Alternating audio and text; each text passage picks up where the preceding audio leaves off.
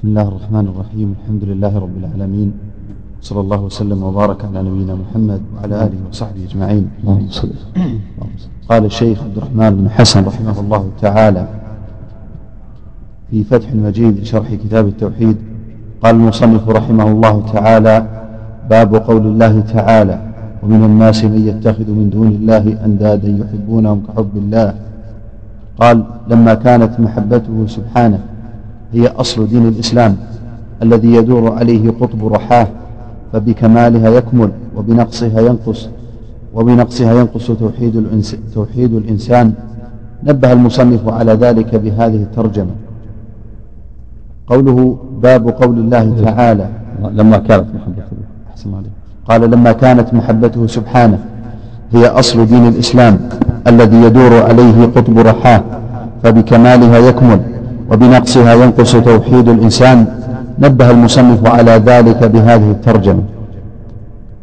قوله باب قول الله تعالى ومن الناس من يتخذ من دون الله أندادا. الآية.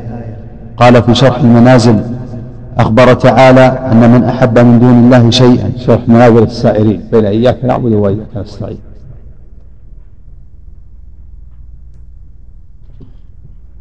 وسماه مدارج السالكين. شرح منازل اسمه مدارج السالكين لابن القيم. مدارج السالكين شرح منازل السائرين منازل السائرين هذا لإسماعيل الهروي الحنبلي الصوفي. كتاب سماه منازل السائرين بين إياك نعبد وإياك نستعين. شرح ابن القيم كتاب سماه مدارج السالكين. شرح منازل السائرين في ثلاث مجلدات. كبيرة. نعم. الكلام هنا في أول الجزء الثالث من طبعة الأنام نعم. والله قديم نعم. قال في شرح المنازل أخبر تعالى أن من أحب من دون الله شيئا كما يحب الله تعالى فهو ممن اتخذ من دون الله أندادا. فهذا ند في المحبة لا في الخلق والربوبية. أخبر تعالى إيش؟ عليكم. قال أخبر تعالى أن من أحب من دون الله شيئا كما يحب الله تعالى فهو ممن اتخذ من دون الله أندادا. فهذا ند في المحبة لا في الخلق والربوبية. نعم. ند في المحبة والتعظيم. ساوى المخلوق بالخالق.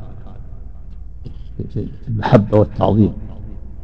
لا في الخلق لا في الخلق والرزق. نعم.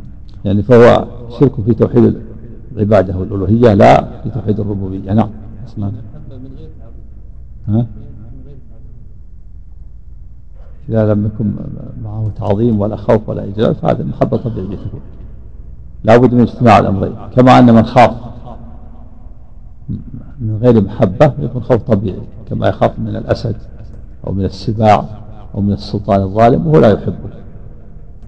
هذا خوف طبيعي كما أن المحبة محبة الأهل والمال والصديق والزوجة إذا لم يكن معها تعظيم وإجلال وطاعة وخوف فصارت محبة طبيعية. لابد من اجتماع الأمرين. لهذا ولهذا فإنه لا بد من اجتماعهما. فمن أحب شيئا ولم يعظمه لم يكن عابدا له. ومن عظم شيئا ولم يحبه لم يكن عابدا. خاف من شيء ولم ولم يحبه لم يكن عابدا له. حتى يكون محبا. والمحبة تستلزم الخوف والرجاء. كل فهو أرجى ما يكون لمحبوبه أشد له محبة وأشد منه خوفا. أما إذا خاف هذا معصية إذا خاف بعض بعض الناس حمل هذا الخوف على ترك الأمر بالمعروف والنهي عن المنكر أو السكوت عن إنكار المنكر هذه معصية. نعم. صلى الله عليك شيء من المحرمات مثلا كرة تصرفها عن الصلاة هل يعتبر قنوات تصرفها عن طاعة الله هذا معصية لا معصية. إذا عظمها وقدمها على على توحيد الله صار شرك. نعم. اسمع لك محبة الدرهم والدينار يكون فيها تعظيم. نعم. لا محبة نعم محبة معصية هذه. تعيس عبد الدينار أو عبد الدرهم. إذا حبها وتعسف في المحبة جمعها من حلال وحرام صار عاصيا فإن, فإن, فإن وقع في الشرك صار مشرك. نعم. نعم. نعم. العبودية العبودية العبودية تكون في نوع من العبودية يكون عبودية تامة نعم نعم. أحسن عليك. فإن أحدا من أهل الأرض لا يثبت هذا الند بخلاف ند المحبة. فإن أكثر لا أحد من أهل الأرض يثبت الند في الخلق. ما أحد يقول أن الله ند في الخلق. ما أحد يقول أن هناك خالق مع الله. ولا هناك مدبر مع الله إلا من فسد فطرته كالدهرية و ومن يقول الصدفة وغيرهم هؤلاء شدوا على الطوائف طوائف بني آدم. وإلا كل طوائف بني آدم يجمعون على أنه ليس لله ند في الخلق والرزق والإماتة والإحياء. نعم. بخلاف ند المحبة فإن أكثر أهل الأرض قد اتخذوا من دون الله أندادا في الحب والتعظيم. ثم قال تعالى والذين آمنوا أشد حبا لله. وفي تقدير الآية قولان أحدهما والذين آمنوا أشد حبا لله من أصحاب الأنداد لأندادهم وآلهتهم التي يحبونها ويعظمونها من دون الله. وروى ابن جرير عن مجاهد في قوله تعالى لأن محبة المؤمنين المؤمنون أشد محبة لله من محبة الأنداد لأندادهم. وفي تقدير آخر أنها أحب أن المؤمن أشد حبا لله من محبة أهل الأنداد لله لأن محبة المؤمن خالصة ومحبة أهل الأنداد مشتركة والمحبة الخالصة أقوى من المحبة المشتركة. نعم. قال وروى ابن جرير عن مجاهد في قوله تعالى يحبونهم كحب الله مباهاة ومضاهاة للحق بالأنداد والذين آمنوا أشد حبا لله من الكفار لأوثانهم. ثم روى عن ابن زيد قال هؤلاء المشركون أندادهم آلهتهم التي عبدوا مع الله يحبونهم كما يحب الذين آمنوا الله والذين آمنوا أشد حبا لله من حبهم آلهتهم. انتهى. والثاني والذين آمنوا أشد حبا لله من المشركين بالأنداد لله فإن محبة المؤمنين فإن محبة المؤمنين خالصة. ومحبة أصحاب الأنداد قد ذهبت أندادهم بقسط منها والمحبة الخالصة أشد من المشتركة والقولان مرتبان على القولين في قوله تعالى يحبونهم كحب الله فإن فيها قولين أيضا أحدهما يحبونهم كما يحبون الله فيكون قد أثبت لهم محبة فيكون قد أثبت لهم محبة الله ولكنها محبة شركوا فيها مع الله تعالى أندادهم. والثاني أن المعنى يحبون أندادهم كما يحب المؤمنون الله. ثم بين تعالى أن محبة المؤمنين لله أشد من محبة أصحاب الأنداد لأندادهم. وكان شيخ الإسلام ابن تيمية رحمه الله تعالى يرجح القول الأول ويقول إنما ظنوا بأن شركوا بين الله وبين أندادهم في المحبة ولم يخلصوها لله كمحبة المؤمنين له. وهذه التسوية المذكورة في قوله تعالى. أشد حب الله أشد حب الله من محبة أصحاب الأنداد لله. نعم. وهذه التسوية المذكورة في قوله تعالى حكاية عنهم وهم في النار أنهم يقولون لآلهتهم وأندادهم وهي محضرة معهم في العذاب تالله إن كنا لفي ضلال مبين إذ نسويكم برب العالمين. ومعلوم فهو تبين لهم الضلال لما صاروا في النار. قبل ذلك في عمى كما قال في عنهم ربنا أبصرنا وسمعنا. فرجعنا أبصرنا الآن وسمعنا. حصل لهم السمع والبصر. لكن في الدنيا ما عموا عن ذلك. نسأل الله السلامة والعافية. نعم.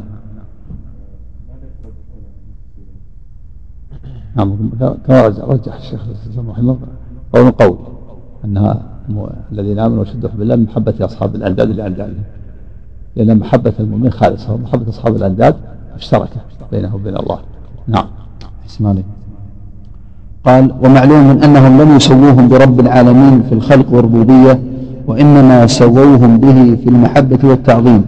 وهذا أيضا هو العدل المذكور في قوله تعالى الحمد لله الذي خلق السماوات والأرض. أعد. أحسن عليك. قال ومعلوم أنهم لم يسووهم برب العالمين في الخلق والربوبية وإنما سووهم به في المحبة والتعظيم. نعم. وهذا أيضا هو العدل المذكور في قوله تعالى الحمد لله الذي خلق السماوات والأرض وجعل الظلمات والنور ثم الذين كفروا بربهم يعدلون. نعم. أي يعدلون به غيره في العبادة التي هي المحبة والتعظيم. نعم. يعدلون بالله غيره. يعني يجعلونه عدلا ومثيلا لله. فالمشركون يعدلون جعلوا عدلا لله ومثيل وهي أندادهم آلهة. جعلوها مثيل لله حيث ساووها بالله في المحبة والتعظيم لا في الخلق لا في الخلق والتدبير. نعم. لأنه ما في أحد خالق خالق مع الله ومدبر مع الله إلا من؟ شد. الطوائف اللي شدت مثل الدهريين والطبائعيين ومن يقول الصدفة هؤلاء شدوا. وإلا جميع طوائف بني آدم أجمعوا على أنه ليس هناك ند لله في الخلق والتدبير الله هو الخالق وهو المدبر. نعم. وقال تعالى قل إن كنتم تحبون الله فاتبعوني يحببكم الله. وهذه تسمى آية المحنة. قال بعض السلف ادعى قوم محبة الله فأنزل الله عز وجل آية المحنة. قل إن كنتم تحبون الله فاتبعوني يحببكم الله. إشارة إلى دليل المحبة وثمرتها وفائدتها فدليلها وعلامتها اتباع الرسول صلى الله اتباع رسول الله صلى الله عليه وسلم وفائدتها وثمرتها محبة المرس محبة المرسل لكم فما لم تحصل فما لم تحصل المتابعة فلا محبة له حاصلة ومحبته له لكم منتفية. فائدتها دليلها نعم. دليلها اتباع. الرسول عليه الصلاة والسلام. دليلها وعلامتها دليل محبة الله وعلامتها اتباع الرسول. وفائدتها محبة الله. لما ادعى قوم محبة الله أنزل الله هذه الآية. محن امتحان ادعى قوم يحبون الله هي الله العلامة والدليل. العلامة والدليل اتباع الرسول. الذي يتبع الرسول عليه الصلاة والسلام. فهو صادق في المحبة. محبة الله. والذي يدعي محبة الله وهو لا يتبع الرسول كاذب. في دعوة أنه يحب الله. هذه آية المحبة قل كنتم تحبون الله فاتبعوا الله نعم. وقال تعالى يا أيها الذين آمنوا من يرتد منكم عن دينه فسوف يأتي الله بقوم يحبهم ويحبونه. يرتد؟ أحسن عليك. قال قال وقال تعالى يا أيها الذين آمنوا من يرتد منكم عن دينه فسوف يأتي الله بقوم يحبهم ويحبونه. أذلة على المؤمنين أعزة على الكافرين. يجاهدون في سبيل الله ولا يخافون لومة لائم. وذكر لهم أربع علامات. أحدها أنهم أذلة على المؤمنين. قيل معناه أرقاء رحماء مشفقين عليهم عاطفين عليهم. فلما ضمن أدلة فلما ضمن أدلة هذا المعنى عداه بأداة على. قال عطاء رحمه الله. لما لما ضمن نعم فلما ضمن أدلة هذا المعنى عداه بأداة على. قال عطاء رحمه الله للمؤمنين كالولد لوالده والعبد لسيده. ضمنها إيش؟ قال أحدها أنهم أذلة على المؤمنين قيل معناه أرقاء رحماء مشفقين عليهم عاطفين عليهم. فلما ضمن أذلة هذا المعنى والشفقة نعم. والعطف.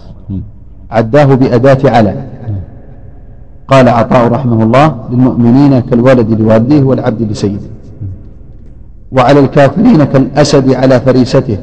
أشداء على الكفار رحماء بينهم. العلامة الثالثة الجهاد في سبيل الله تعالى بالنفس واليد واللسان والمال. وذلك يحقق دعوى المحبة. النفس واليد. واللسان والمال. واللسان والمال. نعم. وذلك يحقق النفس كان يقاتل يأخذ سلاحه قاتل العدو والمال ينفق ماله. والسلاح كذلك يبذل السلاح. واليد يتناول شيء بيده. أعد العبارة قال العلامة الثالثة الجهاد في سبيل الله تعالى بالنفس واليد واللسان والمال. وذلك يحقق دعوى المحبة. نعم. العلامة الرابعة أنهم لا تأخذهم في الله لومة لائم وهذه علامة صحة المحبة. فكل محب أخذه اللوم على أخذه اللوم على محبوبه فليس بمحب على الحقيقة. إيش؟ العلامة الرابعة. أحسن عليكم. قال العلامة الرابعة أنهم لا تأخذهم في الله لومة لائم وهذه علامة صحة المحبوب. فكل محب أخذه اللوم على محبوبه فليس بمحب على الحقيقة. وقال تعالى أخذه كذا أو أخذه وكل إيش وكل محب. فكل محب أخذه اللوم على محبوبه أو أخذ اللوم على محبوبه فليس بمحب على الحقيقة.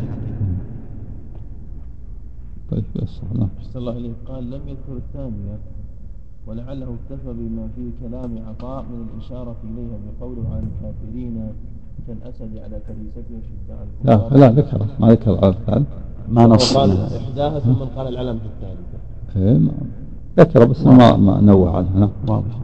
نعم. وقال تعالى أولئك الذين يدعون يبتغون إلى ربهم الوسيلة أيهم أقرب ويرجون رحمته ويخافون عذابه. فذكر المقامات الثلاثة الحب وهو ابتغاء القرب إليه. والتوسل إليه بالأعمال الصالحة والرجاء والخوف يدل على أن ابتغاء الوسيلة أمر زائد على رجاء الرحمة وخوف العذاب. ومن المعلوم قطعا أنه لا يتنافس إلا في قرب من يحب قربه وحب, قر وحب قربه تبع لمحبة ذاته بل محبة ذاته أوجبت محبة القرب منه. وعند الجهمية والمعطلة ما, ما من ذلك كله شيء. أحسن. قال ومن المعلوم قطعا أنه لا يتنافس إلا في قرب من يحب قربه نعم. وحب قربه تبع لمحبة ذاته. نعم. بل محبة ذاته أوجبت محبة القرب منه. وعند الجهمية والمعطلة ما من ذلك كله شيء. يعني ينكرون المحبة. الجهمية ينكرون المحبة. قطعوا الصلة بين الخالق والمخلوق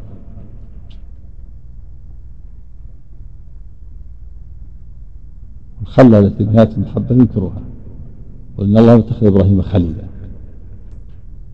وهم ينكرونها إنكار تأويل لا إنكار جحود. وأخله من الخلة. وهي الفقر والاحتياج. نعم. أحسن. معنى هذا المحبة تكون للمؤمن والكافر. لأن كل المؤمن كلهم محتاجون إلى الله. كلهم فقراء إلى الله. نعم. قال وعند الجهمية والمعطلة ما من ذلك كله شيء فإن عندهم لا لا تقرب ذاته من شيء ولا يقرب من ذاته شيء ولا يحب لذاته ولا يحب. فأنكروا حياة القلوب ونعيم الأرواح وبهجة النفوس وقرة العيون وأعلى نعيم الدنيا والآخرة.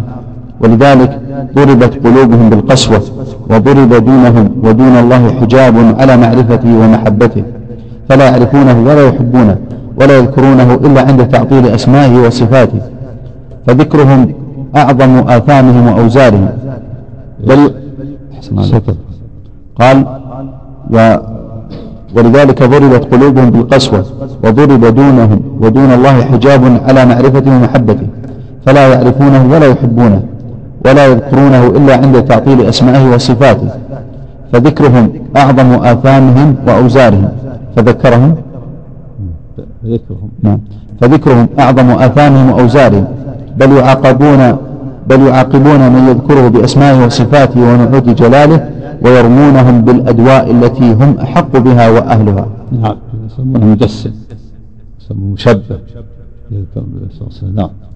وحسب ذي البصيرة وحياة القلب ما يرى على كلامه من القسوة والمقت والتنفير عن محبة الله تعالى ومعرفته وتوحيده. والله, والله المستعان. حسب إيش؟ وحسن وحسب ذي البصيرة وحياة القلب ما يرى على كلامهم من القسوة. وحسب ذي البصيرة كذا وحياة القلب.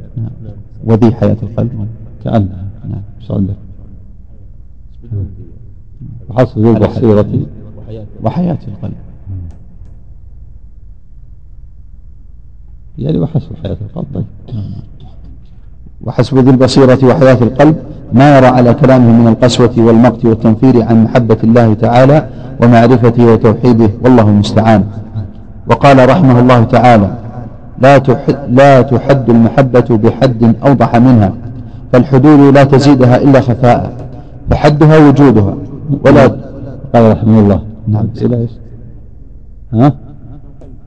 القيم تابع ما زال كلام؟ قال رحمه الله وقال رحمه الله تعالى لا تحد المحبة بحد أوضح منها فالحدود لا تزيدها إلا خفاء. كل هذا نقل لازم مستمر نقل. ها؟ ولا انتهى. في بداية الأول ذكر من كلام شخصي لا لا. ها؟ السلام عليكم.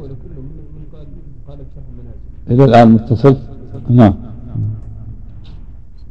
عليك وقال رحمه الله لا تحد المحبة بحد أوضح منها فالحدود لا تزيدها إلا خفاء فحدها وجودها ولا توصف المحبة بوصف أظهر من المحبة وإنما يتكلم الناس في أسبابها وموجباتها وعلاماتها وشواهدها وثمراتها وأحكامها. وأجمع ما قيل في ذلك ما ذكره أبو بكر الكتاني رحمه الله عن الجنيد قال أبو بكر جر... إيش وأجمع ما قيل في ذلك. نعم. ما ذكره أبو بكر الكتاني رحمه الله عن الجنيد. نعم. قال أبو بكر جرت مسألة في المحبة بمكة أعزها الله في أيام الموسم فتكلم الشيوخ فيها وكان الجنيد أصغرهم, أصغرهم سنا فقالوا هات ما عندك يا عراقي. فأطرق رأسه ودمعت عيناه ثم قال عبد ذاهب عن نفسه متصل بذكر ربه قائم بأداء حقوقه ناظر إليه بقلبه أحرق قلبه نور هيبته وصفى شربه من كأس مودته وانكشف له أحرق. أحرق قلبه نور هيبته وصفى شربه من كأس مودته. سره عندي شربه. ها؟ عندي يحصل عليك. أحرق قلبه أنوار وهيبته وصفى شرابه من كأس مودته. شراب نعم. وصفى شرابه من كأس مودته وانكشف له الحياء من أستار غيبه فإن تكلم فبالله وإن نطق فعن الله وإن تحرك فبأمر الله وإن سكن فمع الله وهو بالله ولله ومع الله. فبكى الشيوخ وقالوا ما على هذا مزيد جبرك, جبرك الله يا تاج العارفين. وذكر رحمه الله أن الأسباب الجالبة للمحبة عشرة. أحدها قراءة القرآن بالتدبر وتفهم لمعانيه وما أريد به. الثاني التقرب إلى الله بالنوافل بعد الفرائض. الثالث دوام ذكره على كل حال باللسان والقلب والعمل والحال فنصيبه من المحبة على قدر هذا. الرابع إثار محابه على محابك عند غلبات الهوى. الخامس مطالعة القلب لأسمائه وصفاته ومشاهدتها وتقلبه في رياض هذه المعرفة وميادينها. السادس مشاهدة بره وإحسانه ونعمه الظاهرة والباطنة السابع وهو أعجبها انكسار القلب بين يديه. الثامن الخلوة وقت نزول الإلهي وتلاوة كتابه ثم ختم ذلك بالاستغفار والتوبة. التاسع مجالسة المحبين الصادقين والتقاط أطايب كلماتهم. ولا تتكلم إلا إذا ترجحت مصلحة الكلام وعلمت أن فيه مزيدا لحالك ومنفعة لغيرك. العاشر مباعدة كل سبب يحول بين القلب وبين الله عز وجل. فمن هذه الأسباب العشرة وصل المحبون إلى منازل المحبة ودخلوا على الحبيب. قال المصنف رحمه الله تعالى وقول الله تعالى أحسن الله بسم الله الرحمن الرحيم. الحمد لله رب العالمين وصلى الله وسلم وبارك على نبينا محمد وعلى آله وصحبه أجمعين. قال الشيخ عبد الرحمن بن حسن رحمه الله تعالى وقول الله تعالى قل إن كان آباءكم وأبناؤكم وإخوانكم وأزواجكم وعشيرتكم وأموال اقترفتموها وتجارة تخشون كسادها ومساكن ترضونها أحب إليكم من الله ورسوله وجهاد في سبيله فتربصوا فتربصوا حتى يأتي الله بأمره والله لا يهدي القوم الفاسقين أمر الله نبيه صلى الله عليه وسلم أن يتوعد من أحب أهله وماله وعشيرته وتجارته ومسكنه فآثرها أو بعضها على فعل ما أوجبه الله عليه من الأعمال التي يحبها الله تعالى ويرضاها كالهجرة والجهاد ونحو ذلك. قال العماد بن كثير أي إن كانت هذه الأشياء أحب إليكم من الله ورسوله وجهاد في سبيله فتربصوا. أي انتظروا ماذا يحل بكم من عقابه؟ روى الإمام أحمد وأبو داود واللفظ له. من حديث أبي عبد الرحمن الخراساني عن عطاء الخراساني عن نافع عن ابن عمر رضي الله تعالى عنهما قال الله عندي من حديث أبي عبد الرحمن من حديث أبي عبد الرحمن الخراساني عن عطاء الخراساني عن نافع عن ابن عمر رضي الله تعالى عنهما قال الله وسلم. عندي من حديث أبي عبد الرحمن السلمي عن عطاء الخراساني. شو عندك؟ من حديث؟ من حديث إيش؟ قال من حديث أبي عبد الرحمن الخراساني عن عطاء عن نافع عن ابن عمر. من حديث عطاء إيش؟ عن من حديث أبي عبد الرحمن السلمي عن عطاء الخراساني. عبد الرحمن. السلمي عندك؟ بدل الخراساني عند الخراساني. ها. يعني أبي الرحمن السلمي عن عطاء الخراساني. عندك الخراساني؟ ذكر عفى الله عنك الوليد بن طيان قال في ضاد وهاء وطاء الكلام على أبي عبد الرحمن الخراساني قال السلمي تحريف. وإسحاق بن أسيد الأنصاري نزيل مصر فيه ضعف تقريبا. يعني الخراسان هو خراساني. مرجع. ذكر مرجع. من خلال الطبعات أو النسخ اللي رجع له ضاد وهاء وطاء إيه التحريف وش دليل على التحريف؟ ها؟ إيه إيه. إيه. هذا المتن هذا السند عليك قال قال روى الإمام أحمد وأبو داود واللفظ له من حديث أبي عبد الرحمن الخراساني عن عطاء الخراساني عن نافع عن ابن عمر. قد يكون عبد الرحمن السلمي آخر غير التابعي. وراجع وراجع المسند الخراساني. نعم. نعم. صحيح قريب لكن يحتمل يحتمل أن يكون اسم متأخر. وافق الاسم المتقدم نعم. أحسن عليك.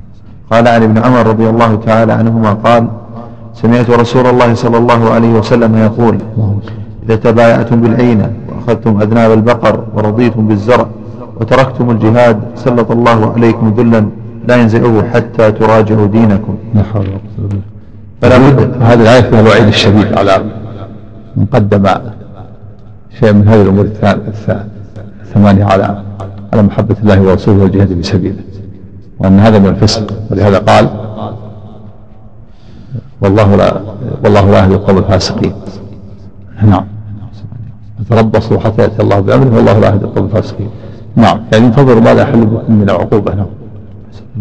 قال فلا بد من إيثار ما أحبه الله من عبده وأراده على ما يحبه العبد ويريده. فيحب ما يحبه الله ويبغض ما يبغضه الله ويوالي فيه ويعادي فيه ويتابع رسوله صلى الله عليه وسلم. كما تقدم في آية المحنة ونظائرها آية المحيا وهي قول تعالى قل كنتم تحبون الله فاتبعوني يحببكم الله. نعم. أحسن عليكم. قال المصنف رحمه الله تعالى عن أنس رضي الله عنه أن رسول الله صلى الله عليه وسلم قال لا يؤمن أحدكم حتى أكون أحب إليه من ولده ووالده والناس أجمعين. أخرجاه أي البخاري ومسلم. قوله لا يؤمن أحدكم أي الإيمان الواجب والمراد كماله حتى يكون الرسول أحب إليه من ولده ووالده والناس أجمعين. من المراد لا يؤمن الإيمان الكامل الواجب حتى يكون أحب إليه من ولده ووالده والناس أجمعين. فإذا قدم محبة الولد والوالد على محبة الرسول صلى الله عليه وسلم فإن إيمانه ناقص وهو آثم لأنه ترك واجبا يجب عليه أن يقدم محبة الرسول على محبة الولد والولد والنفس. فك... وليس المراد من كمال الإيمان المستحب لا كمال الإيمان واجب. واجب هذا.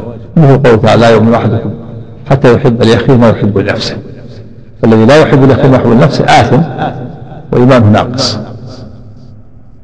نعم. قال بل ولا يحصل هذا الكمال إلا بأن يكون الرسول أحب إليه من نفسه. كما في الحديث أن عمر رضي الله عنه قال لأنت يا رسول الله أحب إلي من كل شيء إلا نفسي. فقال والذي نفسي بيده حتى أكون أحب إليك من نفسك. فقال له عمر وإنك الآن أحب إلي من نفسي. فقال الآن يا عمر. رواه البخاري. فمن قال إن المنفي هو الكمال فإن أراد الكمال الواجب الذي يذم تاركه ويعرض للعقوبة فقد صدق. وإن أراد أن ننفي الكمال المستحب فهذا لم يقع قط في كلام الله ورسوله صلى الله عليه وسلم قاله شيخ الإسلام. نعم. سنفضح هذا كتاب الإيمان وغيره أنه إذا جاء النفي إنما يكون لشيء واجب. لا ينفى الإيمان عن شيء مستحب. لا ينفى الإيمان لمن ترك شيئا مستحب. لو كان مستحب ما نفي عنه الإيمان. لكن لما نفي عنه الإيمان دل على أنه ترك شيئا واجب. لا يؤمن مثل قول لا يؤمن أحدكم حتى يحب الأخي ما يحب نفسه لا يؤمن من لا يؤمن جاره بوائقه يعني غوائقه شره. يعني لا يؤمن الإيمان الواجب الذي تبرأ به ذمته. يسلم من العقوبة. نعم. قال فمن ادعى محبة النبي صلى الله عليه وسلم بدون متابعة وتقديم قوله على قول غيره فقد كذب كما قال تعالى ويقولون آمنا بالله وبالرسول وأطعنا ثم يتولى فريق منهم من بعد ذلك وما أولئك بالمؤمنين. نعم هذا في المنافقين. الآية يقول آمنا بالله وبالرسول وأطعنا ثم يتولون فلا, فلا يعملون ولا يتبعون الرسول. هل هذا إيمان ولهذا قال وما أولئك المؤمنين ليس هؤلاء المؤمنين. يدعون الإيمان بألسنتهم ثم يعرضون بأفعالهم ولا يتبعون الرسول عليه الصلاة والسلام. هذا ليس بإيمان ويقولون آمنا بالله وبالرسول وأطعنا بألسنتهم. ثم يتولى فريق من بعد ذلك عن العمل فلا يعملون ولا ولا يتبع ولا يتبعون الرسول. ولهذا قال وما أولئك المؤمنين ليس أولئك المؤمنين. هذه صفتهم. إيمان باللسان وتولي وإعراض عن المتابعة والعمل. نعم. نعم. إذا نفي الإيمان فالمراد شيء أنه ترك شيئا واجبا. أما لو ترك المستحب لا ينفع عنه الإيمان. المستحبات والنوافل ما ينفع عن صاحب الإيمان. نعم. قال فنفى الإيمان عن عمن تولى عن طاعة الله عن طاعة الرسول صلى الله عليه وسلم. لكن كل مسلم يكون محبا بقدر ما معه من الإسلام. وكل مسلم لا بد أن يكون مؤمنا. وإن لم يكن مؤمنا وإن لم يكن مؤمنا الإيمان المطلق. إيش؟ لكن لكن لكن قال لكن كل مسلم يكون محبا بقدر ما معه من الإسلام. نعم. وكل مسلم لا بد أن يكون مؤمنا وإن لم يكن مؤمنا الإيمان المطلق. نعم الإنسان يكون محبا لله ورسوله بقدر ما فيه من الإيمان. أصل محبة الله ورسوله لا بد منها. من لم يحب الله ورسوله فهو كافر. لكن كمال المحبة أن نقدم محبة الله ومحبة الرسول على محبة كل شيء النفس والولد والوالد. فالكافر والمشرك ليس معه شيء من محبة الله ورسوله. والمؤمن العاصي معه أصل محبة. مع أصل محبة الله ورسوله لكن عنده نقص في هذه المحبة. وضعف ولهذا عصى الله وعصى رسوله فنقص إيمانه ونقصت محبته. أما الكافر ليس عنده شيء من محبة الله ورسوله. وإن ادعى نعم.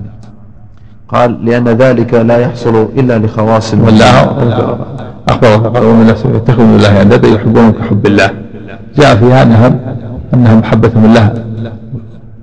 محبة المشركين لله ناقصة ضعيفة لأنها مشتركة. ولا تفيدهم هذه المحبة. وليست محبة الذي يشرك بالله ويعبد الأصنام وإن ادعى محبة الله فهي غير معتبرة. نعم. أحسن قال وكل مسلم لا بد أن يكون مؤمنا وإن لم يكن مؤمنا الإيمان المطلق لأن ذلك لا يحصل إلا لخواص المؤمنين. نعم. يعني لابد أن يكون مؤمنا يعني معه أصل الإيمان مطلق الإيمان. وإلا يكون معه الإيمان المطلق الإيمان الإيمان المطلق الإيمان الكامل هذا لا يكون إلا مع خواص المؤمنين. أما مطلق الإيمان وأصل الإيمان هذا يكون مع مع غير الخواص يكون يكون للعصاة. ولو كانوا عصاة معهم مطلق الإيمان. أما الإيمان المطلق الكامل هذا ما يكون مع خاص المؤمنين الذين أدوا الواجبات تركوا المحرمات. فرق بين مطلق الإيمان والإيمان المطلق مطلق الإيمان أصل الإيمان والإيمان المطلق على الإيمان الكامل. نعم.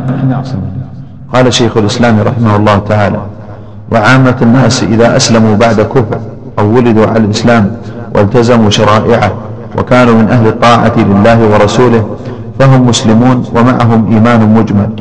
لكن دخول حقيقة لكن لكن دخول حقيقة الإيمان إلى قلوبهم يحصل شيئا فشيئا. إن أعطاهم الله ذلك وإلا يحصل شيئا فشيئا إن أعطاهم الله ذلك. وإلا فكثير من الناس لا يصلون إلى اليقين ولا إلى الجهاد. ولو شككوا لشكوا ولو أمروا بالجهاد لما جاهدوا. إذ ليس عندهم من علم اليقين ما يدرأ الريب. ولا عندهم من قوة الحب لله ورسوله ما يقدمونه على الأهل والمال. فهؤلاء إن عوفوا من المحنة وماتوا دخلوا الجنة وإن ابتلوا بمن وإن ابتلوا بمن يدخل عليهم شبهات توجب ريبتهم فإن لم ينعم الله عليهم بما يزيل الريب وإلا صاروا مرتابين وانتقلوا إلى نوع من النفاق. لا حول ولا قوة أحد كلام شيخ كلام عظيم قال الشيخ الإسلام. قال شيخ الإسلام رحمه الله تعالى وعامة الناس إذا أسلموا بعد كفر أو ولدوا على الإسلام والتزموا شرائعه وكانوا من أهل الطاعة لله ورسوله فهم مسلمون ومعهم إيمان مجمل ومعهم إيمان مجمل. لكن دخول حقيقة الإيمان إلى قلوبهم يحصل شيئا فشيئا إن أعطاهم الله ذلك. نعم دخول حقيقة الإيمان يكون معهم. يعني محبة لله ولرسوله يكون معهم رغبة في الخير رغبة في الإيمان رغبة في الجهاد رغبة في طلب العلم رغبة في الأعمال الصالحة. هذا يحصل شيئا بعد شيء. نعم. قال وإلا فكثير من الناس لا يصلون إلى اليقين ولا إلى الجهاد. ولو شككوا لشكوا ولو أمروا بالجهاد لما جاهدوا. إذ ليس عندهم من علم اليقين ما يدرأ الريب. ولا عندهم من قوة الحب لله ورسوله. ما عندهم علم اليقين ما يدرأ الشك. الريب بل الشك قريب منه. فإذا شككوا شكوا وإن عوفوا ولم يحصل لهم شيء ما يشككون بقوا على إسلامهم. نعم إمام نعم. قال ولا عندهم من قوة الحب لله ورسوله ما يقدمونه على الأهل والمال. فهؤلاء إن عوفوا من المحنة وماتوا دخلوا الجنة. وإن ابتلوا بمن يدخل عليهم شبهات توجب ريبتهم فإن لم ينعم الله عليهم بما يزيل الريب وإلا صاروا مرتابين وانتقلوا إلى نوع من النفاق. انتهى. مثل ما قال تعالى ومن الناس من يعبد الله على حرف يعني على طرف. فإن أصابه خير اطمأن به وإن أصابته فتنة انقلب على وجهه خسر الدنيا والآخرة. ذلك هو الخسر المبين دخل في الإسلام وهو على طرف على طرف على حرف لم يتمكن الإيمان من قبله. من قلبه إن أصابته فتنة ارتد عن دينه. نسأل الله العافية. نعم. قال وفي هذا الحديث أن الأعمال من الإيمان لأن المحبة عمل القلب. نعم. المحبة عمل الأعمال سواء أعمال القلوب وأعمال الجوارح كلها من الإيمان. كلها داخل في مسمى الإيمان. خلاف المرجئة الذين يقولون الأعمال هو مجرد التصديق بالقلب نعم. قال وفيه أن محبة الرسول صلى الله عليه وسلم واجبة. تابعة لمحبة الله لازمة لها. نعم صحيح. لا شك أن محبة الرسول واجبة. ولازم من يدعى محبة الله فلا بد أن يحب الرسول. فإذا محب الرسول فهو كاذب في دعوى محبة الله. نعم محبة الرسول لازم من محبة الله. نعم. قال فإنها محبة لله ولأجله. تزيد بزيادة محبة الله في قلب المؤمن وتنقص بنقصها. يعني محبة الرسول هي محبة لأجل الله. ولازمة الله نعم تابعة نعم. وكل من كان محبا لله فإنما يحب, فإنما يحب في الله ولأجله كما يحب كما يحب كل من كان. قال وكل من كان محبا لله فإنما يحب في الله ولأجله. نعم. كل من كان محبا لله متى تحبه لله ولأجل الله تحب المستقيمين والصالحين. وأهل الخير لأجل الله. المحبة هذه المحبة تابعة لمحبة الله ومن أجل الله. نعم. قال كما يحب الإيمان والعمل الصالح. كما يحب نعم الإيمان والعمل الصالح. كما يحب الإيمان والعمل الصالح. وهذه المحبة ليس فيها شيء من شوائب الشرك كالاعتماد عليه ورجائه في حصول مرغوب منه أو دفع مرهوب. وما كان فيها ذلك فمحبة, فمحبة مع الله لما فيها من التعلق على غيره. إيش وهذه المحبة ليس فيها شيء؟ شائبة. أحسن قال وهذه المحبة ليس فيها شيء من شوائب الشرك. نعم. كالاعتماد عليه ورجائه في حصول مرغوب منه أو دفع مرهوب وما كان فيها ذلك فمحبة مع الله لما فيها من التعلق على غيره والرغبة إليه من دون الله. نعم. يعتمد على غير الله. هذا لا شك محبة مع الله. نعم. أو رجاء غير الله. نعم. قال فبهذا يحصل التمييز بين المحبة في الله ولأجله التي هي من كمال التوحيد وبين المحبة مع الله التي هي محبة الأنداد من دون الله لما يتعلق بقلوب المشركين من الإلهية التي لا تجوز إلا لله وحده لا شريك له. إيش؟ بخلاف المحبة بخلاف المحبة مع الله. أحسن. قال فبهذا يحصل جواب. نعم. قال فبهذا بخلاف المحبة إيش مع الله.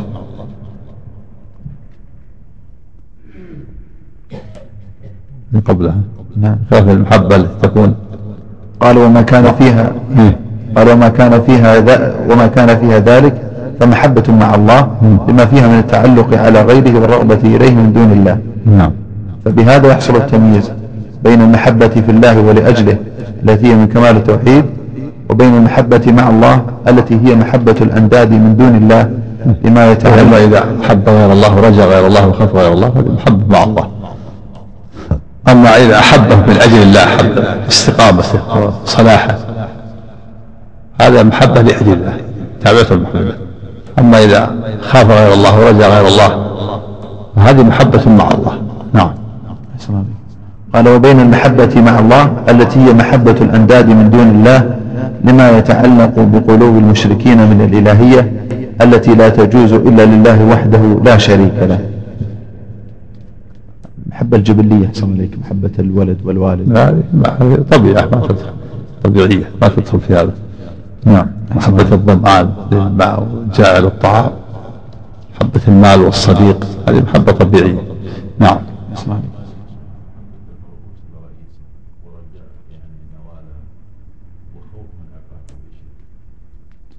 إذا كان يخاف منه أو يرجوه بحيث أنه يعصي الله من أجل خوفه ورجاء منه صارت هذه معصية. صارت معصية.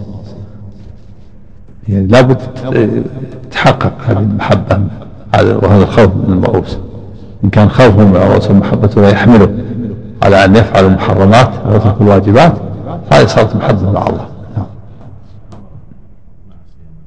وطاعة فيه يكون عاصي يكون عاصي ضعيف الإيمان وإن أمر بالشرك وأشرك ذهب الإيمان كله. نعم. قال المصنف رحمه الله تعالى ولهما عنه رضي الله عنه قال قال رسول الله صلى الله عليه وسلم. ثلاث من كن فيه وجد حلاوة الإيمان أن يكون الله ورسوله أحب إليه مما سواهما وأن يحب المرء لا يحبه إلا لله وأن يكره أن يعود في الكفر بعد إذ أنقذه الله منه كما يكره أن يقذف في النار. وفي رواية لا يجد أحد حلاوة الإيمان حتى إلى آخره. قوله ولهما عنه أي البخاري ومسلم عن أنس رضي الله عنه. ثلاثا أي ثلاث خصال. من كن فيه أي وجدت فيه تامة. وجد بهن حلاوة الإيمان. الحلاوة هنا هي التي يعبر عنها بالذوق لما يحصل به من لذة القلب ونعيمه وسروره وغذائه. يعني لذته وبهجته وسروره نعم. هو شيء محسوس يجده أهل الإيمان في قلوبهم. قال السيوطي في التوشيح وجد حلاوة الإيمان. توشيح. الحاء. نعم. كتاب. كتاب. نعم. قال السيوطي في التوشيح وجد حلاوة الإيمان. فيه استعارة تخيلية شبه رغبة المؤمن في الإيمان بشيء حلو وأثبت له لازم ذلك الشيء وأضافه إليه. هذا عقب الاستعارة التخيلية والمجاز. قد قرر الشيخ الإسلام ابن تيمية بأن بأن المجاز حادث وأنه ليس معروف المجاز عند- العرب ولا عند الصحابة ولا عند ولا عند القرون الثلاث المفضله وإنما حدث عند القرون المتأخرة. وليس في القرآن مجاز ولا في السنة ولا في اللغة. نعم. وقال النووي معنى حلاوة الإيمان؟ استلذاذ الطاعات وتحمل المشاق وإثار ذلك على أغراض الدنيا ومحبة العبد لله بفعل طاعته وترك مخالفته. وكذلك الرسول صلى الله عليه وسلم. قال يحيى بن معاذ حقيقة الحب في الله أن لا يزيد بالبر ولا ينقص بالجفاء. قوله أن يكون الله ورسوله أحب إليه مما سواهما يعني بالسوي مما يحبه الإنسان بطبعه. يعني إيش؟ كذا بالسوي. يعني هكذا عندكم يعني بالسوي؟ في الشرح؟ نعم. قال يعني بالسوي. قال يعني بالسوي. ها؟ وبالسواء بالسوى نعم. يعني بالسوى. يعني ما, ما سوى الله ورسوله نعم. حبهم ما سواهما. يعني يعني بالسوى نعم. قال يعني بالسوى ما يحبه الإنسان بطبعه كمحبة الولد والمال والأزواج ونحوها.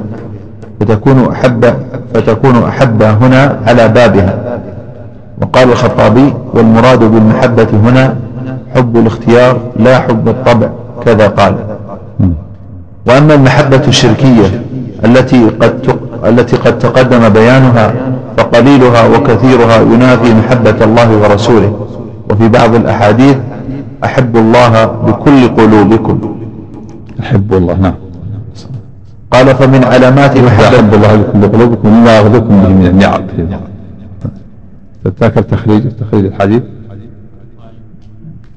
ها؟ لا الوليد اشكال عليه؟ المرسل كما في السيرة لابن هشام عن أبي سلمة بن عبد الرحمن بن عوف. ذكر أحب مما أعوذكم به من النعم. أو هذا الحديث الآخر. نعم. في حديث ها؟ الظاهر أحب الله بقلوبكم أو بكل قلوبكم مما يعوذكم به من النعم. نعم. فمن علامات محبة الله ورسوله. أن يحب ما يحبه الله ويكره ما يكرهه الله. ويؤثر مرضاته على ما سواه ويسعى فيما يرضيه ما استطاع ويبعد عما حرمه ويبعد عما حرمه ويكرهه أشد الكراهة. ويبعد ولا يبتعد؟ ويبعد. ها؟ ويبعد يبعد. ويبعد عما حرم. فهو يبعد. فمن علامة إيش؟ من علامة إيش؟ قال أحسن إليك فمن علامات محبة الله ورسوله أن يحب ما يحبه الله. ويكرهه ويكره ما يكرهه الله ويؤثر مرضاته على ما سواه نعم. ويسعى فيما يرضيه ما استطاع ويبعد عما حرمه عما حرمه ويكرهه أشد يبعد يعني يبعد نفسه. نعم. قال ويبعد عما حرمه ويكرهه أشد الكراهة ويتابع رسوله ويمتثل أمره ويترك نهيه كما قال تعالى من يطع الرسول فقد أطاع الله. فمن آثر أمر غيره على أمره وخالف ما نهى عنه فذلك فذلك علم على عدم محبته لله ورسوله. فمن آثر قال فمن آثر أمر غيره على أمره وخالف ما نهى عنه فذلك علم على عدم محبته لله ورسوله. فإن محبة الرسول من لوازم محبة الله. فمن أحب الله وأطاعه أحب الرسول وأطاعه ومن لا فلا كما في آية المحنة ونظائرها والله المستعان. قال شيخ الإسلام رحمه الله أخبر النبي صلى الله عليه وسلم أن هذه الثلاث أن هذه الثلاث من كن فيه وجد حلاوة الإيمان لأن وجود الحلاوة للشيء يتبع المحبة له. فمن أحب شيئا واشتهاه إذا حصل له مراده فإنه يجد الحلاوة واللذة والسرور بذلك. واللذة أمر يحصل عقيب إدراك الملائم الذي هو المحبوب والمشتهى قال فحلاوة الإيمان المتضمنة للذة والفرح تتبع كمال محبة العبد لله وذلك بثلاثة أمور تكميل هذه المحبة وتفريغها ودفع ضدها. إيش قال الشيخ الإسلام. قال شيخ الإسلام رحمه الله أخبر النبي صلى الله عليه وسلم أن هذه الثلاث من كن فيه وجد حلاوة الإيمان لأن وجود الحلاوة للشيء يتبع المحبة له. فمن أحب شيئا واشتهاه إذا وهي حلاوة إتمام المحبة إذا أحبه وجد الحلاوة. الحلاوة ثمرة نتيجة. إذا أحب الله ورسوله وجد الحلاوة. ويمكن يجد الحلاوة قبل المحبة أولا المحبة ثم بعد المحبة تحصل الثمرة هي الحلاوة نعم. قال فمن أحب شيئا واشتهاه إذا حصل له مراده فإنه يجد الحلاوة واللذة والسرور بذلك. الإنسان إذا اشتهى الإنسان شيئا يأكله ثم أكله وجد اللذة. اللذة لا تكون قبل أن يأكل. إذا اشتهى الإنسان عنب هل يجد الحلاوة قبل أن يأكل ولا بعد أن يأكل؟ بعد أن يأكل يجد اللذة. وكذلك المحبة محبة الله ورسوله تكون لذة بعد المحبة. نعم. المحبة اللذة بعد المحبة. نعم. قال واللذة أمر يحصل عقب إدراك الملائم الذي هو المحبوب والمشتهى. نعم. قال فحلاوة الإيمان المتضمنة للذة والفرح تتبع كمال محبة العبد لله وذلك بثلاثة أمور. اللذة والفرح والبهجة تتبع تتبع المحبة. نعم. قال وذلك بثلاثة أمور تكميل هذه المحبة وتفريغها ودفع ضدها. فتكميلها أن يكون الله ورسوله أحب إليه مما سواهما. فإن محبة الله ورسوله لا يكتفى فيها بأصل الحب بل لا بد أن يكون الله ورسوله أحب إليه مما سواهما. نعم هذا تكميله تكميل المحبة لا بد أن تكون محبة كاملة محبة الله ورسوله هذه محبة. لكن ما تكفي؟ تكميلها أن تكون هذه المحبة مقدمة على محبة كل شيء. هذا تكميلها وأن يحب المرأة لا يحب إلا سيأتي التفريغ. نعم. نعم. ودفع دفع. نعم. قال أحسن عليك. فتكميلها أن يكون الله ورسوله حب إليه مما سواهما فإن محبة الله ورسوله لا يكتفى فيها بأصل الحب بل لا بد أن يكون الله ورسوله أحب إليه مما سواهما. قلت ومحبة الله تعالى تستلزم محبة طاعته فإنه يحب من عبده أن يطيعه. والمحب يحب ما يحبه محبوبه ولا بد نعم. تستلزم الطاعة. يعني تتحقق بالطاعة. من أطاع الله ورسوله فقد أحب الله. ومن ادعى محبة الله ورسوله ولا يطيع الله ورسوله هذه ليست محبة دعوة. كما قال الله في آية المحنة قل إن كنتم تحبون الله فاتبعوني يحبكم الله. المحبة تستلزم الطاعة. الذي يدعي محبة الله لا بد أن يطيعه ويتبع الرسول عليه الصلاة وإلا فدعوة ليس عليها دليل. نعم. قال ومن, ومن لوازم محبة الله أيضا محبة أهل طاعته كمحبة أنبيائه ورسله والصالحين من عباده فمحبة ما يحبه الله ومن يحبه الله من كمال الإيمان كما في حديث ابن عباس محبة ما يحب الله من شخص أو فعل أو حكم. تابعة محبة الله ورسوله. نعم. عليك قال وتفريغها. أن يحب المرء لا يحبه إلا لله. نعم. قال ودفع ضدها أن يكره ضد الإيمان كما يكره. هذا تفريغ يعني لابد من تكميل المحبة وتفريغها ودفع تكميلها أن تكون المحبة أكمل من كل شيء مقدم على كل شيء. حب إليهم ما سواهم. وتفريغها أن يحب المرء لا يحبه إلا لله. فيفرغ من قلبه. المحبة لغير الله. تكون تكون محبة إنما هي لأجل الله. يحب المرء لا يحبه لله. ويفرغ من قلبه المحبة لأجل الدنيا والمحبة لأجل المنافع. دفع الضد وأن يكره أن يعود في الكفر. بعد إذا أنقذه الله كما يكره أن يقذف في النار. يكره الشرك كما يكره أن يقذف في النار. هذا دفع المضاد. ضد المحبة نعم. وتفريغها. نعم وتفريغها. قال وتفريغها. أن يحب المرء لا يحبه إلا لله. نعم. قال ودفع, ودفع ضدها أن يكره ضد الإيمان كما يكره أن يقذف في النار. نعم. انتهى. نعم. قوله أحب إليه مما سواهما. بارك تفريغها بالغين بالغين. مو بالعين. تفريغها. تفريغها. أحسن عليكم هذا سائل يقول يا شيخ إني أحبك في الله. حبك الله الذي حرمتنا فيه. نعم. ذكرت أن فروخ مولى عثمان مقبول إذا توبع ووجد شاهد وهو صحابي أو يقول هو صحابي. فأشكل هذا علينا. لا ما هو بصحابي هو بصحابي مولى. مولى. ليس بصحابي. في فروخ. في ليس بالصحابة الصحابة كلهم عدول. لما هذا يقال في غير الصحابة. ما الموالي للصحابة بعد بعد بعد النبي صلى الله عليه وسلم. هذا المولى بعد النبي صلى الله عليه وسلم. هذا كالنبي صلى الله عليه وسلم. نعم. نعم. أحسن عليك قال ما قولكم أحسن الله إليكم في من يقول أنه من تولى عن العمل بالجوارح مطلقا كالصلاة والصيام وغيرها أنه مؤمن طالما طالما وأنه يتلفظ ويوقن بقلبه مستشهدا بما جاء في حديث الشفاعة. أن الله تعالى يخرج من النار أناس لم يعملوا خيرا قط.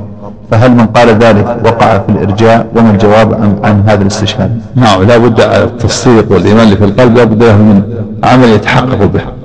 وإلا صار كإيمان إبليس وفرعون. أما حديث الشفاعة أخذ من قال يخرج من النار من لم يعمل خيرا قط يعني زيد على التوحيد والإيمان. والتوحيد والإيمان لا بد فيه من العمل. الذي ما يعمل ليس بموحد ولا بمؤمن. لا بد من عمل يتحقق التصديق في القلب. التصديق في القلب لا بد له من عمل يتحقق. فيه ولا صار؟ ما في فرق بينه وبين إيمان إبليس وفرعون؟ إيمان مصدق إبليس فرعون إبليس مصدق وفرعون مصدق. لكن ما عندهم انقياد ولا اتباع. لا بد من الانقياد فإذا لم ينقد ما صار إيمان. ما تحقق الإيمان. نعم. ومعنى اخذوا من النار يخرج من النار قوما لم يعملوا خيرا قط يعني زيادة على التوحيد والإيمان. والتوحيد والإيمان لا بد فيه من تصديق وعمل. تصديق وانقياد. نعم. نعم. الله قال فروة. فروخ. ذكر الله عنك في الكلام على فروة. قال كذا في أصله ونبه بهامشه على أن مولى عثمان هو فروخ لا فروة. إيه. وأنه هو الذي روى عن عمر. إيه. وعنه أبو يحيى المكي. وأن ترجمة فروخ الآتية في التفاريق حقهما أن تكون لفرقد لا لفروخ. كذا يؤخذ من التهذيب فتدبر. هي المقصود أن السائق والفروخ صحابي. ما بصحابي؟ الصحابة كلهم عدول. الصحابة ما ما يتكلم فيه معروف. نعم.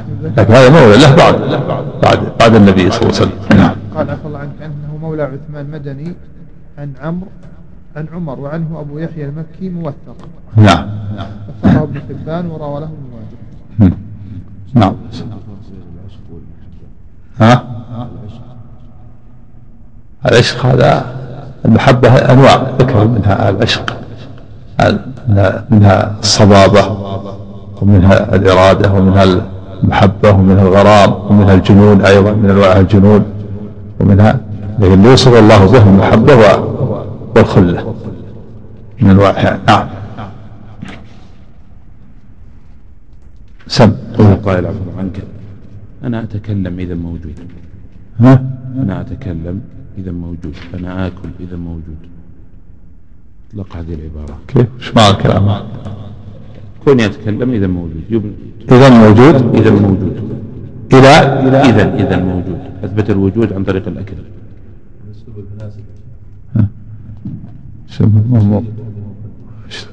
ما مش ما ما مفروض الكلام هذا. بعضهم يثبت الكلام إيه. والأكل إيه. والنوم إذا أنا موجود. لأنني نمت ولأنني أكلت إذا موجود. إيه ما هو يشك في وجود الآن؟ يشك في وجود يستدل بهذا الدليل. ها؟ يستدل بأنه يأكل إذا هو موجود. هو يعرف نفسه الآن. هو ذاته موجودة غير غير الأكل والشرب. ذاته ذاته موجودة قائم بنفسه. هو قائم بنفسه ولا ما تكلم ولا ما أكل. نعم هذه فلسفة فلسفة. نعم. بسم الله الرحمن الرحيم. الحمد لله رب العالمين. صلى الله وسلم وبارك على نبينا محمد وعلى آله وصحبه أجمعين.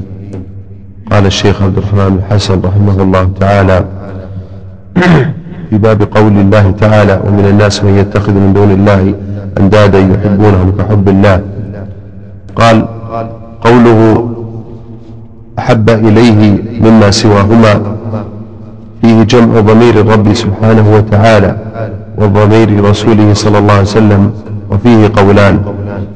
أحدهما أنه ثنى الضمير هنا إيماء إلى أن المعتبر هو المجموع المركب من المحبتين لا كل واحدة لا كل واحدة فإنها وحدها لاغية وأمر بالإفراد في حديث الخطيب إشعارا بأن كل واحد من العصيانين مستقل, مستقل باستلزام الغواية إذ العطف في تقدير التكرير والأصل العطف أحسن عليك إذ العطف في تقدير التكرير والأصل استقلال كل من المعطوفين في الحكم.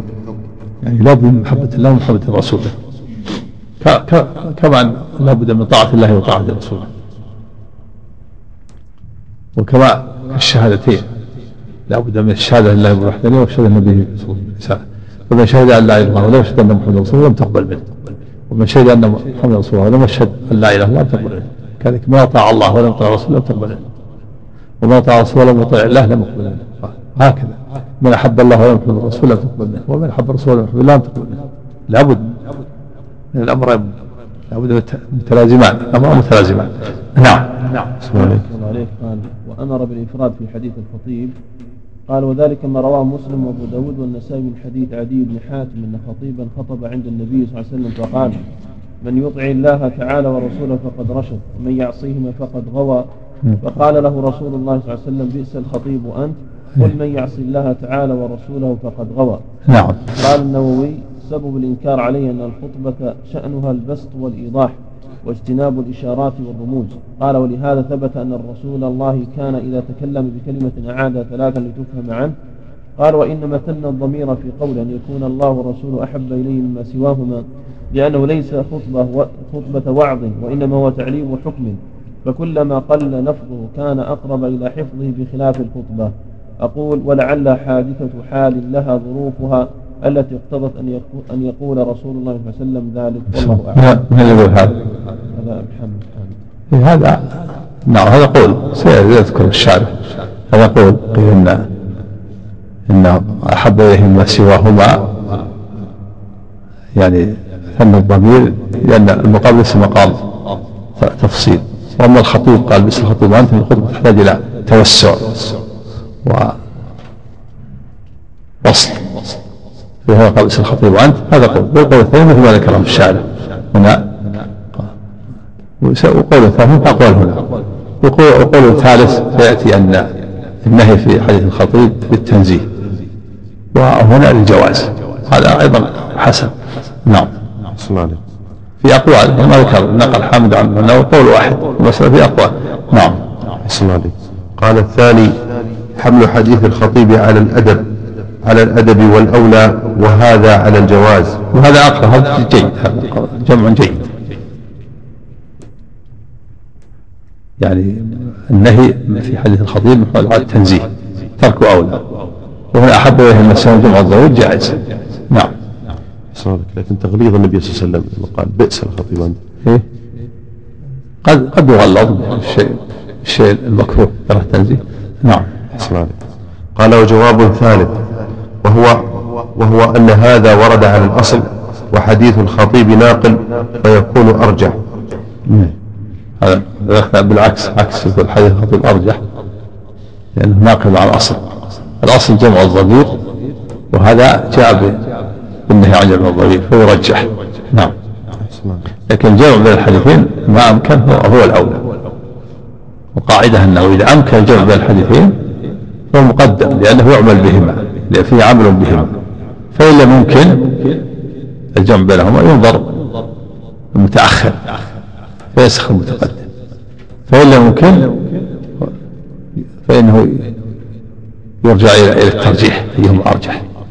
نقول هذا أرجح ما ما ما يوقع يؤخذ بالأرجح إلا بعد عند تعذر معرفة الناسخ وعند تعذر الجمع يأتي في الدرجة الثالثة هنا أمكن الجمع بينهما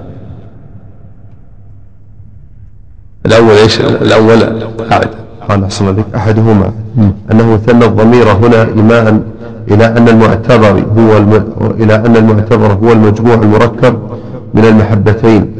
لا كل واحدة فإنها وحدها لاغية وأمر بالإفراد في حديث الخطيب إشعارا بأن كل بأن كل واحد من العصيانين مستقل باستلزام الغواية. إذ العطف في تقدير التكرير والأصل استقلال كل من المعطوفين في الحكم. هذا جمع هذا جمع نعم. والجمع الثاني أن حديث الخطيب محمول على التنزيه. وحديث أنس محمول على على الجواز. كل منهما في جمع مقدم على النسخ وعلى الترجيح. نعم. أحسن عليك والله كل منه له وجه. كل له وجه. نعم. أحسن عليك في بعض المساجد وبعض البيوت يعلق بعض الناس لوح بنفس الحجم و- واحدة عليها لفظ الجلالة واحدة محمد رسول الله. محمد بس أو محمد. نعم. ما ما لها صلة. هذا غلط. لفظ الجلالة الله ما لا تفيد. معنى وليست ذكر. حتى يضاف إليها كلمة. والله أكبر. هذا ذكر الصوفية. والله الله الله. كلمة الله وحده ما تكفي.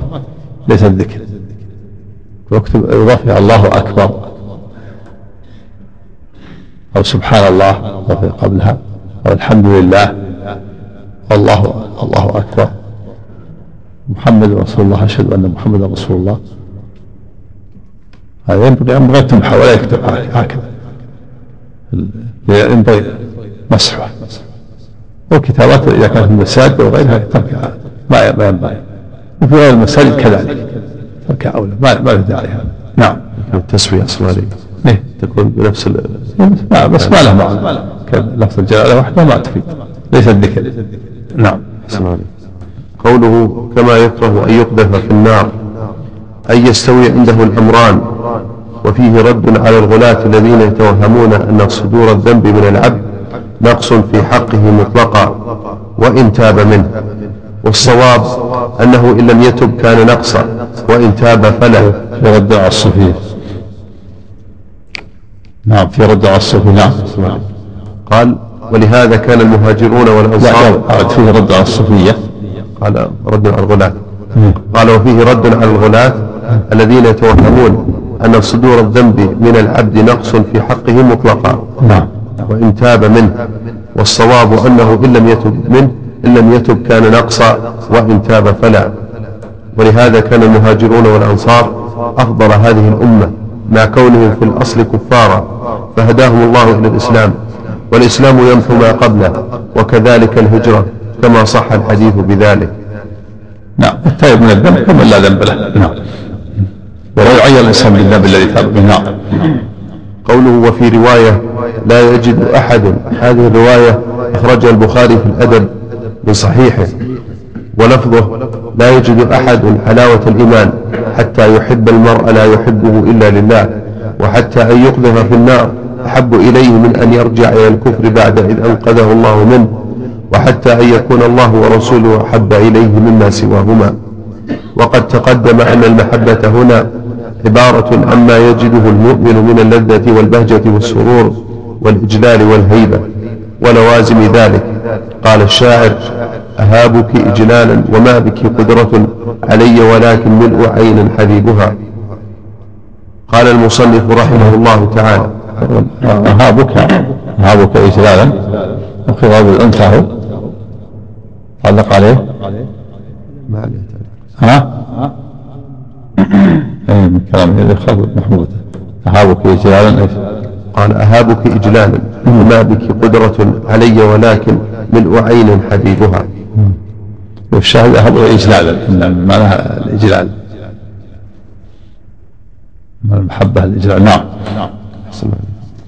قال المصنف رحمه الله تعالى وعن ابن عباس رضي الله تعالى عنهما قال من أحب في الله وأبغض في الله ووالى في الله وعاد في الله. شوف معنى معنى المحبة الإجلال إيش؟ قال قبل. تقدم أن المحبة هنا عبارة عن ما يجده المؤمن من اللذة والبهجة والسرور والإجلال والهيبة ولوازم ذلك. نعم. قال المصنف رحمه الله تعالى من لوازمها الطاعة. من لوازمها الطاعة. نعم. فمن أحب شخصا وهو يعصي أمره فهو كاذب في دعوة أنه يحب. ولهذا امتحن الله من ادعى محبة الله يقول قل إن كنتم تحبون الله فاتبعوني يحببكم الله. نعم. قال المصنف رحمه الله تعالى وعن ابن عباس رضي الله تعالى عنهما قال من أحب في الله وأبغض في الله ووالى في الله وعاد في الله فإنما تنال ولاية الله بذلك. ولا يجد عبد طعم الإيمان وإن كثرت صلاته وصومه حتى يكون كذلك. وقد صارت عامة مؤاخاة الناس على أمر الدنيا وذلك لا يجدي على أهله شيئا. رواه ابن جرير. قال وأخرج ابن أبي شيبة وابن أبي حاتم الجملة الأولى منه فقط. قوله من أحب في الله أحب أهل الإيمان بالله وطاعته من أجل ذلك قوله وأبغض في الله أي وأبغض من كفر بالله وأشرك به وفسق عن طاعته لأجل ما فعلوه مما يسخط الله. وإن كانوا أقرب الناس إليه كما قال تعالى لا تجد قوما يؤمنون بالله واليوم الآخر يوادون من حاد الله ورسوله ولو كانوا آباءهم أو أبناءهم أو إخوانهم أو عشيرتهم. الآية قوله ووالى في الله هذا والذي قبله من لوازم محبة العبد لله تعالى فمن أحب الله أحب فيه ووالى أولياءه وعاد أهل معصيته وأبغضهم وجاهد أعداءه ونصر أنصاره وكلما قويت محبة العبد لله في قلبه قويت هذه الأعمال المترتبة عليها وبكمالها يكمل توحيد العبد ويكون ضعفها على قدر ضعف محبة العبد لربه. نعم لا من أحب في الله لابد أن يوالي من ادعى أنه يحب الله وهو يوالي أعداء الله وليس صادقا في دعواه المحبة.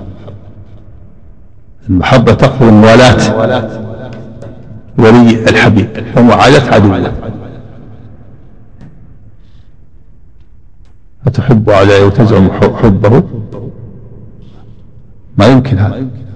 يحب أعداء الحبيب ويدعو أنه يحبه ليس بصادقا في دعواه نعم.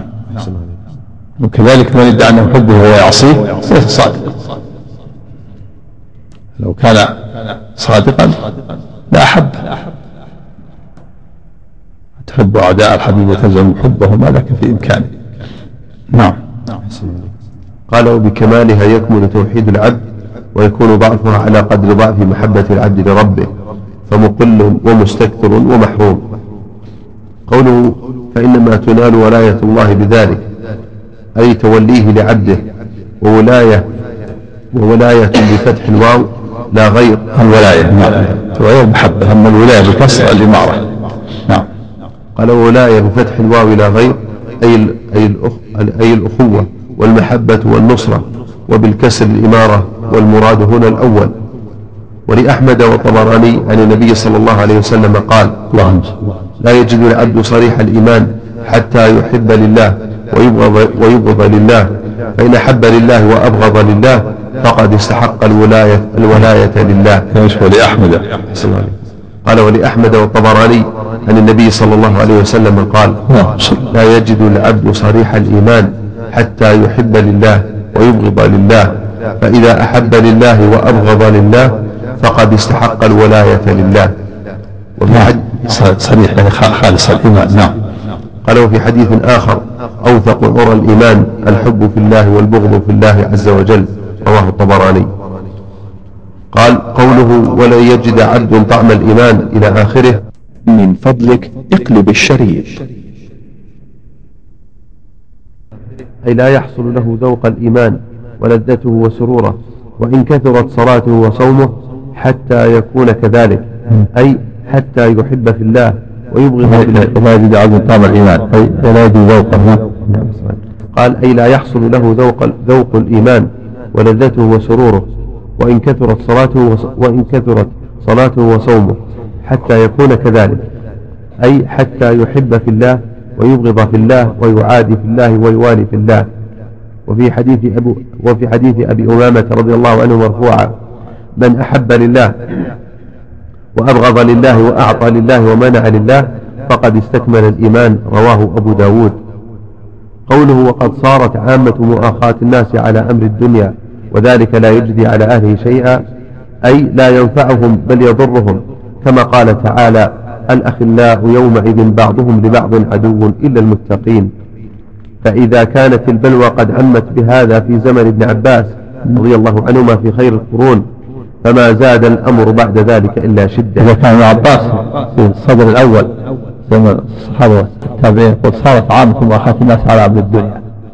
محبة الناس ومؤاخاة الأدبة فكيف؟ القرن الرابع عشر والقرن الخامس عشر. كيف كيف الحال؟ إذا كان في العصر الأول مؤاخاة الناس ومحبتهم لأجل الدنيا صار في العصور المتأخرة مؤاخاتهم لأجل البدع والشرك والفسوق والعصيان. أعظم وأعظم فمؤاخاة المحبة تكون لأجل الدنيا. وتكون على الكفر والفسوق والعصيان كما هو الحال من أهل البدع يتآخون ويتحابون ويتعاونون. وأهل العقائد الفاسدة. كل العقيدة الأشاعرة المعتزلة والرافضة الباطنية. كلهم يتآخرون على على بدعهم وعلى كفرهم وضلالهم. نعم. قال فما زاد الأمر بعد ذلك إلا شدة. وإذا كان عيش إذا كان هذا في زمن عباس. قال فإذا كانت البلوى قد عمت بهذا في زمن ابن عباس في غير القرون فما زاد الأمر بعد ذلك إلا شدة. حتى وقعت الموالاة على الشرك والبدع والفسوق والعصيان. وقد وقع ما أخبر به صلى الله عليه وسلم بقوله بدأ الإسلام غريبا وسيعود غريبا كما بدأ. وقد كان الصحابة رضي الله عنهم من المهاجرين والأنصار في عهد نبيهم صلى الله عليه وسلم وعهد أبي بكر وعمر يؤثر بعضهم بعضا على نفسه محبة في الله وتقربا إليه كما قال تعالى ويؤثرون على أنفسهم ولو كان بهم خصاصة. وعن ابن عمر رضي الله عنهما قال لقد رأيتنا على عهد رسول الله صلى الله عليه وسلم وما منا أحد يرى أنه أحق بديناره ودرهمه من أخيه المسلم. يعني يرى أنه عليه أن يؤثر أخاه ويعطي أخاه مثله ما يستأثر بشيء. قال ابن عيش وعن ابن عمر قال وعن, وعن ابن عمر رضي الله عنهما قال لقد رأيتنا على عهد رسول الله صلى الله عليه وسلم وما منا أحد يرى أنه أحق بديناره ودرهمه من أخيه المسلم. رواه ابن ماجه. يعني يرى أنه متساوي فإذا احتاج يعطيه أو يقسم ما عنده بينه وبين أخيه. نعم. قال المصنف رحمه الله تعالى وقال ابن عباس رضي الله عنهما في قوله تعالى وتقطعت بهم الأسباب. قال المودة. هذا الأثر رواه عبد بن حميد وابن جرير وابن المنذر وابن أبي حاتم والحاكم وصححه. قوله قال المودة أي التي كانت بينهم في الدنيا خانتهم أحوج ما كانوا إليها وتبرأ بعضهم من بعض كما قال تعالى وقال إنما اتخذتم من دون الله أوثانا مودة بينكم في الحياة الدنيا ثم يوم القيامة يكفر بعضكم ببعض ويلعن بعضكم بعضا ومأواكم النار وما لكم من ناصرين. قال العلامة ابن القيم رحمه الله في قوله تعالى إذ تبرأ الذين اتبعوا من الذين اتبعوا ورأوا العذاب وتقطعت بهم الأسباب فهؤلاء المتبوعون كانوا على الهدى وأتباعهم ادعوا أنهم على طريقهم ومناهجهم وهم مخالفون لهم سالكون غير طريقهم ويزعمون أن محبتهم لهم تنفعهم مع مخالفتهم. إيه، هؤلاء المتبوعين. هؤلاء المتبوعون. قال فهؤلاء المتبوعون كانوا على الهدى وأتباعهم ادعوا أنهم على طريقهم ومناهجهم وهم مخالفون لهم سالكون غير طريقهم ويزعمون أن محبتهم لهم تنفعهم مع مخالفتهم فيتبرؤون منهم يوم القيامة فإنهم اتخذوهم أولياء من دون الله وهذا حال كل من اتخذ من دون الله وليجة وأولياء يوالي لهم ويعادي لهم ويرضى لهم ويغضب لهم فإن أعماله كلها باطلة يراها يوم القيامة حسرات عليه. مع كثرة وهكذا وهكذا كل قال وهذا حال كل من اتخذ من دون الله وليجة وأولياء يوالي لهم ويعادي لهم ويرضى لهم ويغضب لهم. فإن أعماله كلها باطلة يراها يوم القيامة حسرات عليه مع كثرتها وش وش مع كثرتها وشدة تعبه فيها ونصبه إذ لم يجرد موالاته ومعاداته ومحبته وبغضه وانتصاره وإيثاره لله ورسوله. فأبطل الله عز وجل ذلك العمل كله وقطع تلك الأسباب فينقطع يوم القيامة كل سبب ووصلة ووسيلة ومودة كانت لغير الله؟ قطع الله الأسباب. قال أحسن عليك فأبطل, فأبطل الله عز وجل ذلك العمل كله وقطع تلك الأسباب. نعم. فينقطع يوم القيامة كل سبب ووصلة ووسيلة ومودة كانت لغير الله ولا يبقى إلا السبب الواصل بين العبد وربه وهو حظه من الهجرة إليه وإلى رسوله وتجريده عبادته وحده ولوازمها من الحب والبغض والعطاء والمنع والموالاة والمعاداة والتقريب والإبعاد وتجريد متابعة رسوله صلى الله عليه وسلم تجريدا محضا. بريئا من شوائب الالتفات إلى غيره فضلا عن الشرك بينه وبين غيره فضلا عن تقديم قول غيره عليه. فهذا السبب هو الذي لا ينقطع بصاحبه وهذه هي النسبة التي بين العبد وبين ربه وهي نسبة العبودية المحضة وهي آخيته التي يجول ما يجول وإليها مرجعه. إيه؟ في آخرته نعم. قال وهي آخيته التي يجول ما يجول وإليها مرجعه. ولا تتحقق إلا بتجديد متابعة الرسل صلوات الله وسلامه عليهم. إذ هذه, إذ هذه العبودية إنما جاءت على ألسنتهم وما عرفت إلا بهم ولا سبيل إليها إلا بمتابعتهم. وقد قال تعالى وقدمنا إلى ما عملوا من عمل فجعلناه هباء منثورا. فهذه هي الأعمال التي كانت في الدنيا على غير سنة رسله وطريقتهم ولغير وجهه يجعلها الله هباء منثورا لا ينتفع منها صاحبها بشيء أصلا وهذا من أعظم الحسرات على العبد يوم القيامة أن يرى سعيه ضائعا وقد سعى أهل السعي النافع بسعيهم انتهى ملخصا. رحمه الله. نعم كلام عظيم نعم. لا شك أن هذا من الخسار يعمل الإنسان أعمال ثم تكون هباء منثورا الحمد لله. تكون له حسرة يوم القيامة تحسر. يرى أن أعماله صارت منثورا نعم. قال المصنف رحمه الله تعالى فيه مسائل. الأولى تفسير آية البقرة. نعم. ومن السبيل يتخذ من دون الله أندادا يحبونه كحب الله نعم. قال أحسن الله لك الثانية تفسير آية براءة. اتخذوا أحبارهم ورضاهم ورضاهم من دون الله. نعم. الثالثة وجوب محبته صلى الله عليه وسلم وجوب محبته صلى الله عليه وسلم على النفس والأهل والمال. نعم. يعني تقديم محبة الرسول هذا هو الكمال فإن قدم شيئا منها على محبة الله والرسول كان عاصيا. الرابعة نفي الإيمان لا يدل على الخروج من الإسلام. نعم, نعم. الإيمان لا يدل على الخروج من الإسلام.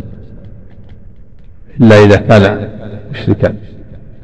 إذا فعل الشرك. نعم.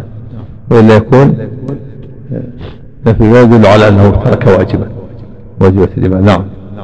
الخامسة أن للإيمان حلاوة قد يجدها الإنسان وقد لا يجدها. نعم. لا شك. الإيمان له حلاوة. يساعد؟ أن الإيمان له حلاوة. نعم. أن للإيمان حلاوة. قد يجدها الإنسان وقد لا يجدها. نعم. صحيح يجدها. من تحققت فيه الصفات وقد لا يجدها من تخلفت نعم. قال السادسة أعمال القلب من كان الله ورسوله حب إليه ما سواهما ومن حب يحب الله ولا يحبه الله وذكر أن يعود في الكفر وإذا قدر الله به إن حقت في هذه هذه الخصال وجدها. وإن تخلفت لم يجدها. نعم. قال السادسة أعمال القلب الأربع التي لا تنال التي لا لا تنال ولاية الله إلا بها إيش؟ أمر القلب أعمال القلب الأربع. إيه هذه ذكر في الحديث ما في الله وبغض في الله وولى في الله وعاد في الله. هذه الأربع حب في الله وبغض في الله وولى في الله وعاد في الله. هذه أعمال القلوب الأربع. نعم. قال أعمال القلب الأربع التي لا تنال ولاية الله إلا بها ولا يجد أحد طعم الإيمان إلا بها. نعم. نعم. السابعة فهم الصحابي للواقع أن عامة المؤاخاة على أمر الدنيا. نعم. فهم فهم واقعة يعني العلماء يفهمون الواقع يعرفون حال الناس. ولا في رد على من قال إن العلماء ما يعلمون ما يعلمون الواقع وإنهم يتكلمون في أحكام فقهية يفتون فتاوي ما, ما تنزع الواقع. الواقع في شيء وهم في شيء هذا غلط. ابن عباس فهم الواقع قال صارت عامة الواقع التلاميذ يعيش بينهم كيف يعرف الواقع. ما يتكلم إلا على شيء ينزل على الواقع. كيف يتكلم ما يعرف الواقع؟ الواقع. العلماء يعلمون الواقع. الفقهاء في الشريعة فقهاء الواقع. ولهذا لما بعث النبي معاذ إلى اليمن قال إنك تأتي قوم أهل الكتاب. شهد أن لا إله إلا الله. يعلمه بالواقع يعرف واقعهم حاله. حتى تكون الدعوة موافقه لحاله يعلم ان الكتاب جدل استعد المناظره ليسوا وثنيين ليسوا أميين ما عندهم علم. لا عندهم علم. الجدل استعد المناظره هذا معرفة الواقع. وقال ابن عباس قال صارت عامة الله الناس على الدنيا الواقع. بعض الناس في شنشنة بعض الناس يرمي العلماء بأنهم يعلمون الواقع.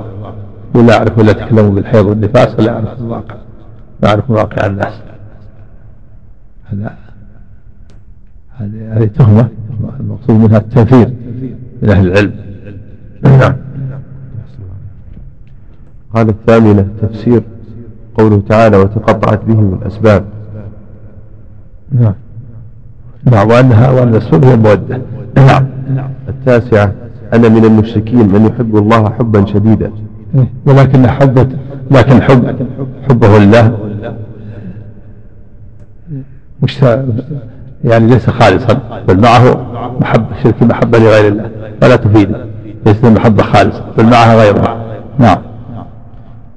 التاسعة آه، العاشرة الوعيد على من كان من كان الوعيد على من كانت الثمانية أحب إليه من دينه. نعم الثمانية اللي كانت في الآية. وإن كان آباؤكم وأبناؤكم وإخوانكم وأزواجكم وعشيرتكم وأموال اقترفتموها وتجارة تخشون كسادها ومساكن ترضونها ثمانية أشياء نعم. ليس الوعيد على الوعيد على من كان الثمانية أحب إليه من دينه. نعم. وأنه, وأنه فاسق. رب صلاة الله وبركاته فالله لا فسق نعم. الحادية عشرة أن من اتخذ ندا تساوي محبته محبة الله فهو الشرك الأكبر. نعم. من اتخذ ندا مع الله يساوي محبة محبة الله. فهو مشرك. خادما بالله. نعم. أن تجعل له ندا وهو خلقك الحديث نعم. لما سأل حديث مسعود سأل عن أعظم الذنب. قال أن تجعل له ندا وهو خلقك نعم.